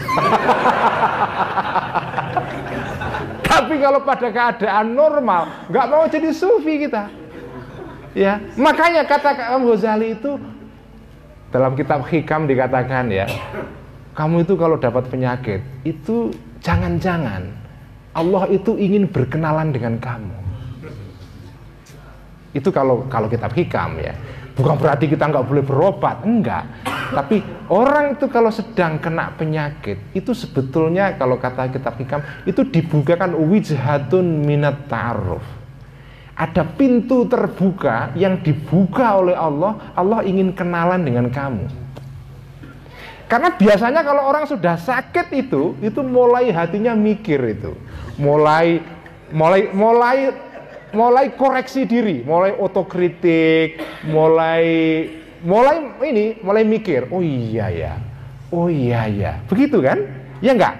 Orang kalau sudah dalam keadaan sakit baru, oh iya ya, oh iya. Makanya kata kitab hikam, sakit itu adalah cara Allah ingin mendekat kamu. Karena itu ya sambil berobat, kamu juga sambil jadi gini, saudara-saudara kalau jenengan ini lagi sakit ya kalau ngikuti ajarannya kitab hikam itu jadi selain kita berobat untuk jasad lahir kita sekaligus kita mengobati penyakit batin kita bagaimana caranya yaitu meng, me, apa, me, mengambil hikmah dari penyakit ini. Penyakit itu diobati secara lahir. Tapi kalau kamu mau tidak sekedar ngobati uh, jasad lahir kamu, kamu bisa juga ngobati jasad batin kamu. Kalau saya sebut jasad alus. Ya. Jasad alus itu ada yang disebut dengan an-nafsu, ya. itu jasad alus. Ada pada diri kita. Bagaimana cara mengobati jasad alus kita? Pada saat sakit, anggaplah sakit itu adalah Allah ingin berkenalan dengan kamu kamu makin dekat kepada Allah itu. Jadi kembali kepada ini ya. Jadi at-tana'um bil mubahi mubahun. Iya, betul. Cuma itu khayalun dhaifun kata Al-Ghazali. Itu kayal saja. Memang begitu seolah-olah, tapi itu sebetulnya kayalan saja. Wal mubahu. Nah, saya teruskan sedikit. Wal mubahu dan barang yang mubah. Al khariju yang keluar an qadril hajati dari ukuran hajat yang paling dasar itu ya. Aidon juga minat dunia bagian dari dunia. Jadi barang mubah yang melebihi kebutuhan dasar itu bagian dari dunia, bagian dari syahwat. Ini kalau dijadikan perspektif hidup gitu itu dasar pengaruhnya itu, ya mengubah cara hidup kita. Jadi kita tidak tidak menimbun barang terlalu banyak, ya. Um, Makanya saya bilang menjadi sufi itu tidak perlu tarekat, bukan berarti tarekat penting ya, tarekat kalau Anda mampu monggo. Tapi sufi itu sebetulnya adalah ajaran yang bisa dilaksanakan dalam kehidupan sehari-hari kita seperti ini ya. Yaitu hidup tidak melebihi kodrul hajah. Nah, begini, memang yang ditulis kitab Ihya ini, ini standarnya tinggi Bapak Ibu sekalian ya. Ini tinggi sekali. Ini standar kalau saya membuat analogi itu begini. Ini standar untuk orang atlet yang kelasnya itu tingkat dunia. Jadi kalau sepak bola itu ya ini tingkatnya Lionel Messi atau Ronaldo atau apa ya siapalah itu ya. Nah, ini tingkat dunia. Nah cuma kita ini kan bukan pemain bola tingkat dunia ya. Kita ini kan ecek-ecek lah kita ini lah ya. Kampung, pemain kita kampung lah ya. Tapi gini, ya makanya sebelumnya dikatakan kalau kamu tidak bisa sampai ke situ kata Al Ghazali fal minhu ya kamu berusaha mendekati saja. Memang ini ilmu untuk orang-orang seperti Ibrahim bin Adham, Ma'ruf Al-Karhi, terus Abu Yazid Al-Bistami, begitu Zunnun Al-Masri, Fudel bin Iyad itu wali-wali besar. Itu Ronaldo itu. Ya, itu Lionel Messi semua itu. Muhammad Ali gitulah ya. Pokoknya kelas dunia. Ya kita ini kan nggak sampai ke sana ya nggak apa-apa, tapi berusaha untuk ya ngikut-ngikut Ronaldo, Lionel Messi gitulah ya. Ya, jadi sedikit mendekati mereka. Itu cara ngaji kayak itu begitu. Karena kalau nggak begitu kita frustrasi. Wah kita kok nggak bisa seperti Ronaldo ya nggak apa-apa lah. ya kan? Cuma makanya ngaji ihya itu kalau nggak tepat itu juga bisa bikin frustrasi. Kok kita nggak bisa ke sana ya? Ya nggak bisa loh, wong potongan kayak kalian kok bisa ke sana gimana? Ini ukurannya Ibrahim bin Adham ini apa Ma'ruf al Karhi ini wali-wali besar, bukan bukan wali tingkat lokal ya. Ini beda. Jadi makanya tapi nggak apa-apa. Minimal ini semua dijadikan kayak apa lah? Kayak teladan, kayak teladan gitu. Nah kita kalau bisa mendekati itu ya. Makanya saya bilang ini kalau dijadikan paradigma ya, kodrul hajah itu ya, hidup sesuai dengan kebutuhan itu sebagai paradigma itu dahsyat.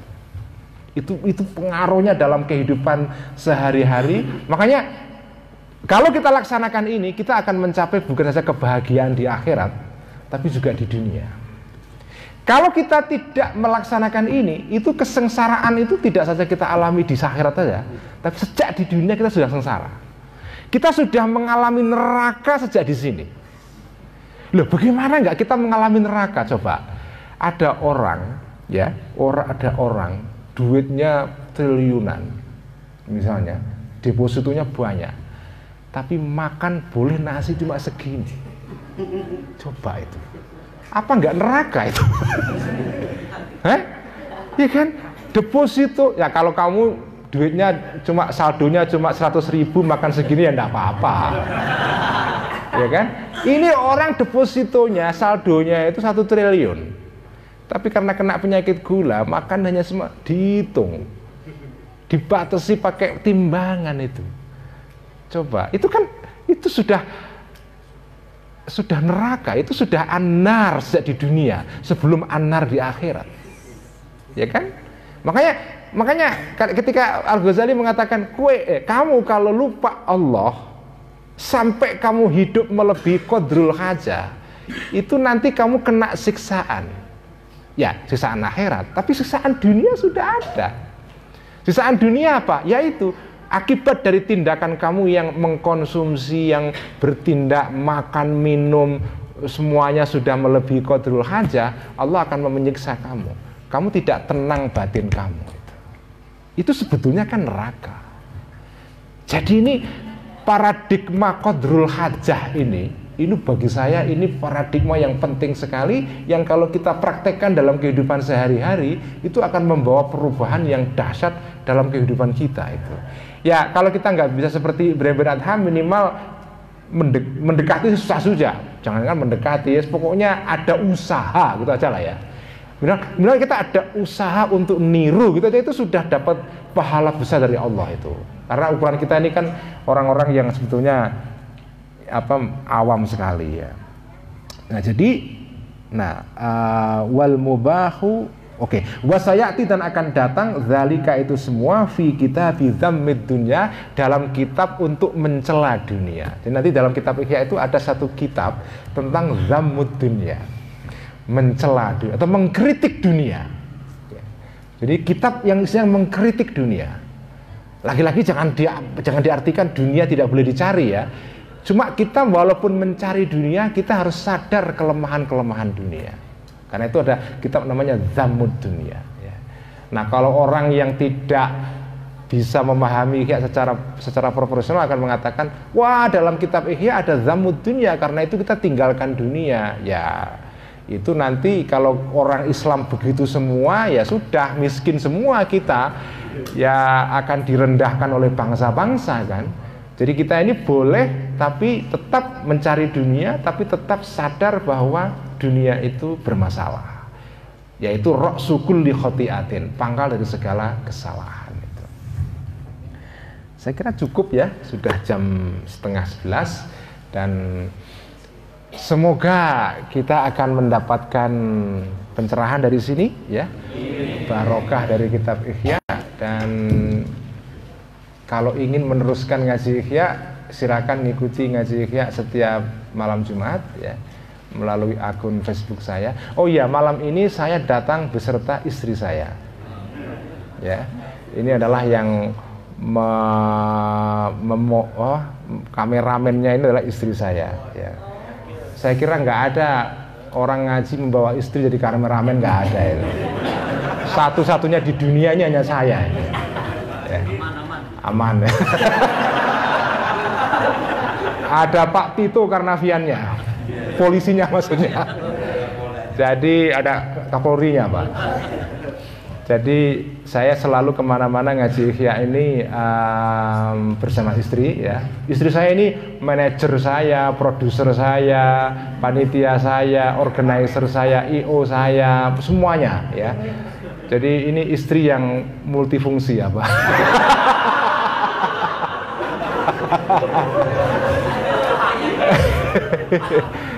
uh, Oh ini nggak main-main loh, ini putrinya Gusmus loh ini ya. Jangan main-main apa ya. nah, Mbak Kakung ya, Mbak Kakung. Nah ini cerita sedikit aja. Saya ngaji IKIA ini sudah hampir tiga tahun, hampir tiga puasa ya. Dan sudah keliling ke mana-mana ya. Bukan saja ngaji di Indonesia toh, tapi saya sudah ngaji IKIA sampai ke Korea, sampai ke Amerika gitu ya ya agak sedikit gaya pokoknya lah ya. Terakhir saya ngaji ya di Belanda, di Belgia ya. Jadi saya memang sengaja ngaji ikhya ini uh, apa ya ngaji ikhya ini saya niatkan terus terang saya niatkan sebagai cara saya untuk menyebarkan ilmu pesantren Ya, karena menurut saya sekarang ini itu ilmu pesantren itu perlu disebarkan ke tengah-tengah masyarakat. Karena sekarang ini eranya orang sedang ingin kembali ke Islam. Cuma begitu kembali ke Islam, tidak ada orang yang ngajari Islam dengan cara yang seperti diajarkan di pesantren. Kenapa ajaran pesantren ini itu tepat diketengahkan saat ini? Karena ilmu pesantren itu pertama ilmu yang sanatnya jelas. Maksudnya sangat jelas itu ini ilmu itu yang silsilahnya itu ke atas ke atas ke atas ke atas itu ya sampai sahabat sampai kanji Nabi. Ya, sanatnya jelas. Yang kedua, ilmu ini itu umurnya sudah ratusan tahun, terbukti sudah, gitu ya, ratusan tahun dan saudara-saudara ilmu pesantren itu canggih sekali jadi kalau orang belajar Islam dengan ilmu pesantren begini, itu belajar Islam dengan cara yang dalam, ya dalam. Karena ilmunya itu sudah ratusan tahun. Imam Ghazali itu dari abad kelima Hijriyah. Kita sekarang sudah abad berapa? Abad 14 Hijriyah. Jadi sudah berapa? Sembilan abad ya kan. Hampir ya seribu tahun, hampir seribu tahun. Jadi ini kitab sudah umurnya hampir seribu tahun, saudara-saudara. Masih kita baca sekarang. Dan ini dibaca oleh jutaan orang sejak Al-Ghazali mengarang kitab ini karena Imam Ghazali itu mengajarkan kitab Ihya beliau sendiri pasti masih hidup. Jadi Anda tahu ya, Ghazali itu ceritanya dulunya orang-orang yang wah beken sekali lah. Pokoknya beliau itu pernah menjadi rektor universitas terbesar pada zamannya di Baghdad. Namanya Madrasah Nizamiyah. Itu kira-kira ya kalau di sini ya UIN Jakarta kira-kira gitulah ya. Ini rektornya. Ini Pak siapa Azmadi Azranya kira-kira gitulah ya. Rektornya. Perguruan tinggi terbaik pada zaman itu tapi Imam Ghazali itu pada satu saat, ini cerita sedikit ya, uh, ya kita akan tutup ini kita bagiannya. Jadi Imam Ghazali dulu itu pernah menjadi pengajar, menjadi rektor universitas terbesar di zamannya itu. Kemudian pada satu saat Imam Ghazali itu mengalami krisis spiritual, ya. kayak galau gitu. Ini kira-kira kalau saya ringkaskan kegalauannya Al Ghazali itu ya ini ilmu yang saya cari ini apa sebetulnya? Jadi Abu Ghazali itu sudah dapat semuanya, jabatan tertinggi ya, kekayaan dunia ya, reputasi sosial ya. Beliau ini dekat dengan raja ketika itu. Jadi kira-kira ya one team press itulah ya. Semua jabatan tertinggi sudah beliau capai, sukses duniawi ya. Tapi beliau itu bertanya kira-kira ya, ini ilmu ini untuk apa? Itu dicatat dalam kitab al-mungkith minad dolal. Ya. Jadi Al Ghazali itu bertanya, aku ilmuku begini banyak, santriku keren-keren dan ulama-ulama besar-besar kan. Tapi untuk apa semua ini? Sangat-sangat apakah ilmu ini hanya untuk mencari ini semua apa reputasi dan jabatan status ini semua atau bagaimana? Itu sampai mengganggu beliau sampai pada satu titik Al Ghazali itu pernah masuk kelas mau ngajar begini gitu, masuk kelas itu nggak bisa ngomong. Saking akutnya krisis spiritual yang dihadapi, nggak bisa ngomong, diam aja. Akhirnya pulang nggak keluar dari kelas. Setelah itu meninggalkan kota Baghdad, semua jabatan ditinggalkan, perpustakaan pribadinya yang isinya bukunya banyak sekali ditinggalkan semua. Beliau akhirnya pergi ke masjid di Yerusalem, di Palestina. Kemudian uzlah di sana kemudian pindah ke masjid di masjid di Damaskus. Ada itu selama 10 tahun bolak-balik antara itu. Dan beliau kemudian ya ini memikirkan ini apa ilmu yang saya cari ini untuk apa sebetulnya. Jadi yang ngarap kita ngarang kitab ini ini ini orang yang dulu pernah mengalami krisis spiritual. Jadi pernah mengalami situasi yang beliau mempertanyakan segala hal. Sampai Imam Ghazali itu sampai menggambarkan begini, saya itu sampai mempertanyakan semua hal sampai saya itu ragu kepada semua hal. Ya. Ragunya itu kira ini untuk apa sih ini semua ini? Jadi kayak orang galau kan ini untuk apa sih ini? Jadi itu yang menyebabkan beliau kemudian mengambil jalan tasawuf dan berkesimpulan bahwa jalan kepada kebenaran yang paling bisa diandalkan adalah tasawuf. Karena tasawuf itu jalannya melalui hati bukan melalui pikiran atau melalui pemahaman kepada teks, tapi kepada pengalaman spiritual itu. Makanya Al Ghazali dalam kitab ini itu memang ya apa solusi yang beliau tawarkan itu radikal sekali. Makanya untuk ukuran kita sekarang ini, ini mengagetkan. Tapi itu penting supaya kita tuh sadar bahwa kita ini sekarang hidup sebenarnya nggak normal itu. Ya. Jadi ke kenapa beliau ini mengambil solusi yang radikal begini? Karena beliau skeptis. Semua ini itu adalah ini ini apa ya? Ya orang beliau kan sering kali mengatakan banyak orang cari ilmu tapi ilmunya kan sekedar untuk mencari kemenangan dalam berdebat itu kan. Al-mubahah apa apa? Ya pokoknya orang ingin cari ilmu supaya kalau debat itu menang. Debat di Twitter atau di Facebook atau apa gitu ya. Sekarang kan musimnya debat sekarang ini kan? Wow menang-menangan itu kan? Nah itu. Jadi itulah keadaan yang di uh, alami oleh Ghazali. Nah saya pikir ilmu pesantren ini itu penting diketengahkan ke masyarakat. Kedalamannya dan apa itu ya uh, kecanggihannya itu luar biasa. Sehingga kita umat Islam itu itu tidak um, apa ya cepat sedikit-sedikit kemudian apa ya menyalahkan ini menyalahkan itu. Al Ghazali sendiri waktu muda beliau itu juga pernah begitu ya. Beliau itu pernah bahkan pernah satu saat dia itu di apa ya pernah mengalami satu insiden. Jadi waktu masih muda Al Ghazali itu pernah ngarang kitab usul fikih waktu masih muda. Judulnya Al Al Manhul min ilmil usul ya. Itu dikarang waktu beliau umur kira-kira 17 tahun. Masih menjadi santri dari guru besarnya namanya Imam Haromen ya. jadi itu kayak catatan kuliah gitu tapi ditulis kembali nah dalam kitab itu Al Ghazali muda itu ya biasalah anak muda kan kayak anak PMI gitu kan. Ansor banser gitu kan. Wah semangatnya menyala-nyala. Nah dalam kitab ini Al Ghazali itu kefanatikannya kepada madhab syafi'i berlebihan. Sampai dalam satu pasal dalam buku ini beliau itu nulis pasal isinya agak mengkritik madhab Hanafi kebablasan padahal Al-Ghazali itu hidupnya di daerah Khurasan Iran bagian utara ya Khurasan nah di Khurasan pada saat itu yang dominan itu madhab Hanafi Nah beliau ngarang kitab isinya kritik madhab Hanafi kebablasan. Wah banser-banser madhab Hanafi marah ini.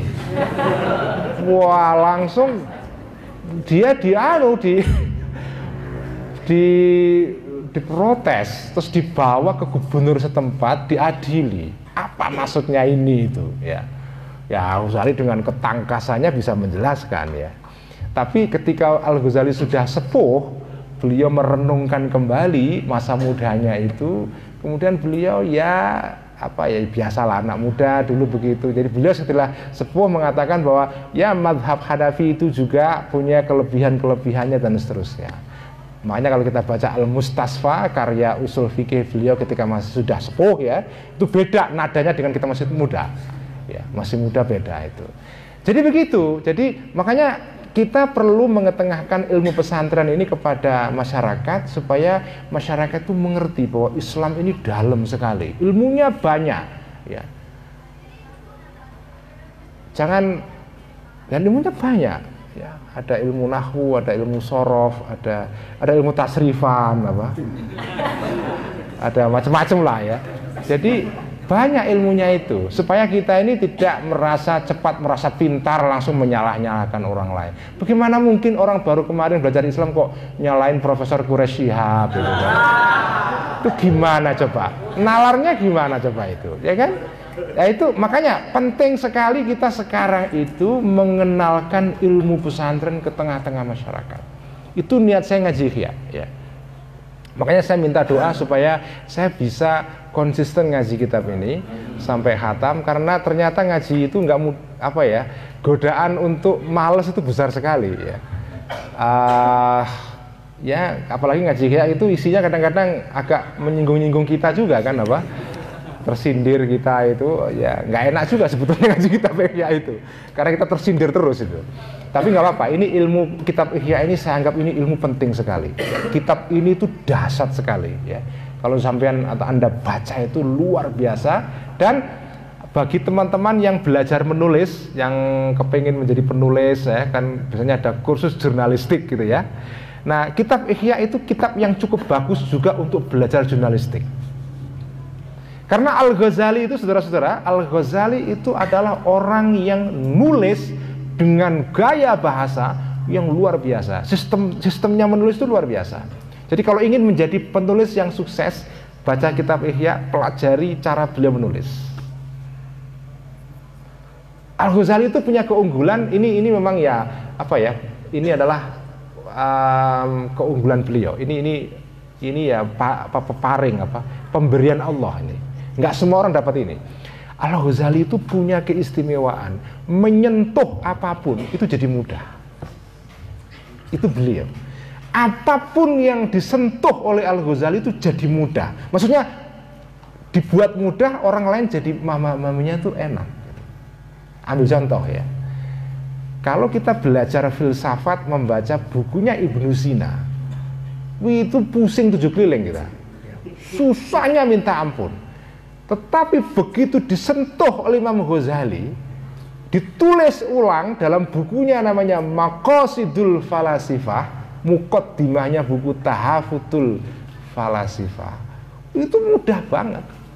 Kita baca Ibnu Sina itu, wah saya baca itu sampai sampai putih semua rambut saya ini Gara-gara baca Ibnu Sina ini. Antara lain ya. Uh, jadi Begitu disentuh Al-Ghazali mudah banget. Ibnu Sina yang ilmunya ruwet itu ya itu disentuh Al-Ghazali jadi enak sekali difahami. Makanya baca filsafat itu kalau mau paham baca Maqasidul Falasifah. Belajar mantek baca Al-Ghazali. Ya. Baca bukunya Mi'yarul Ilm.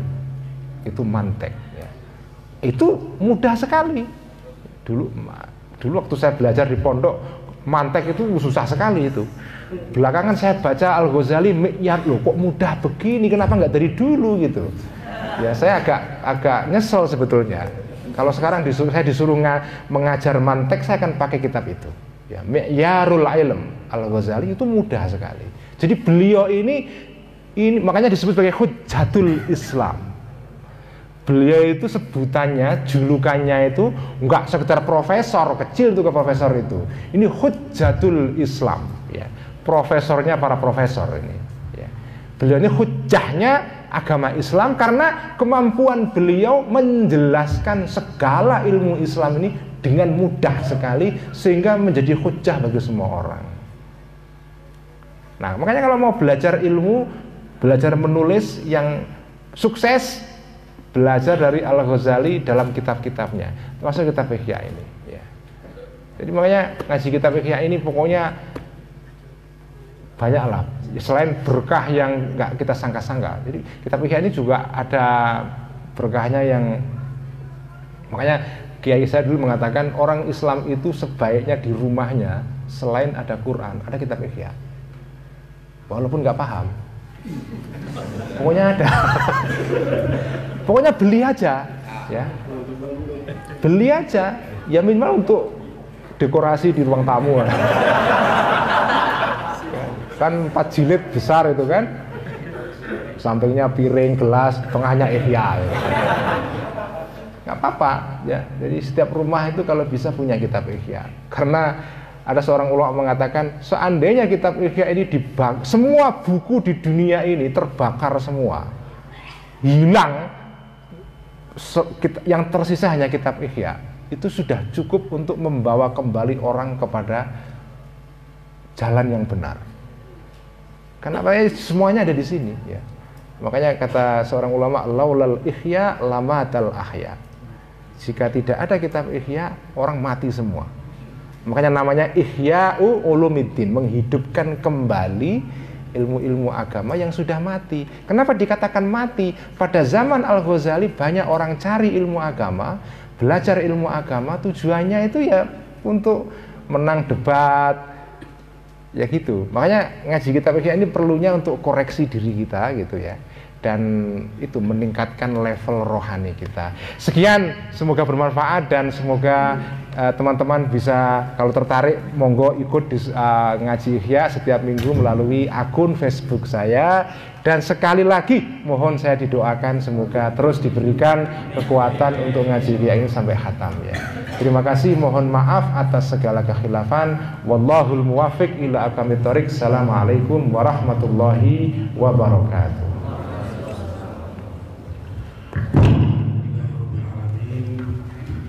kegiatan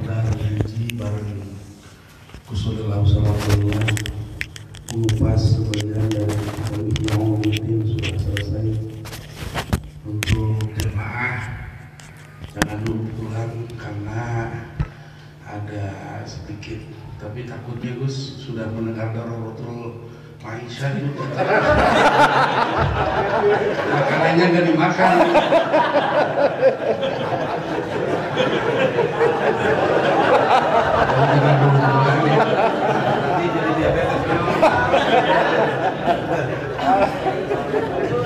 Sadayana kada kabar mihla tawa. Assalamualaikum warahmatullahi wabarakatuh.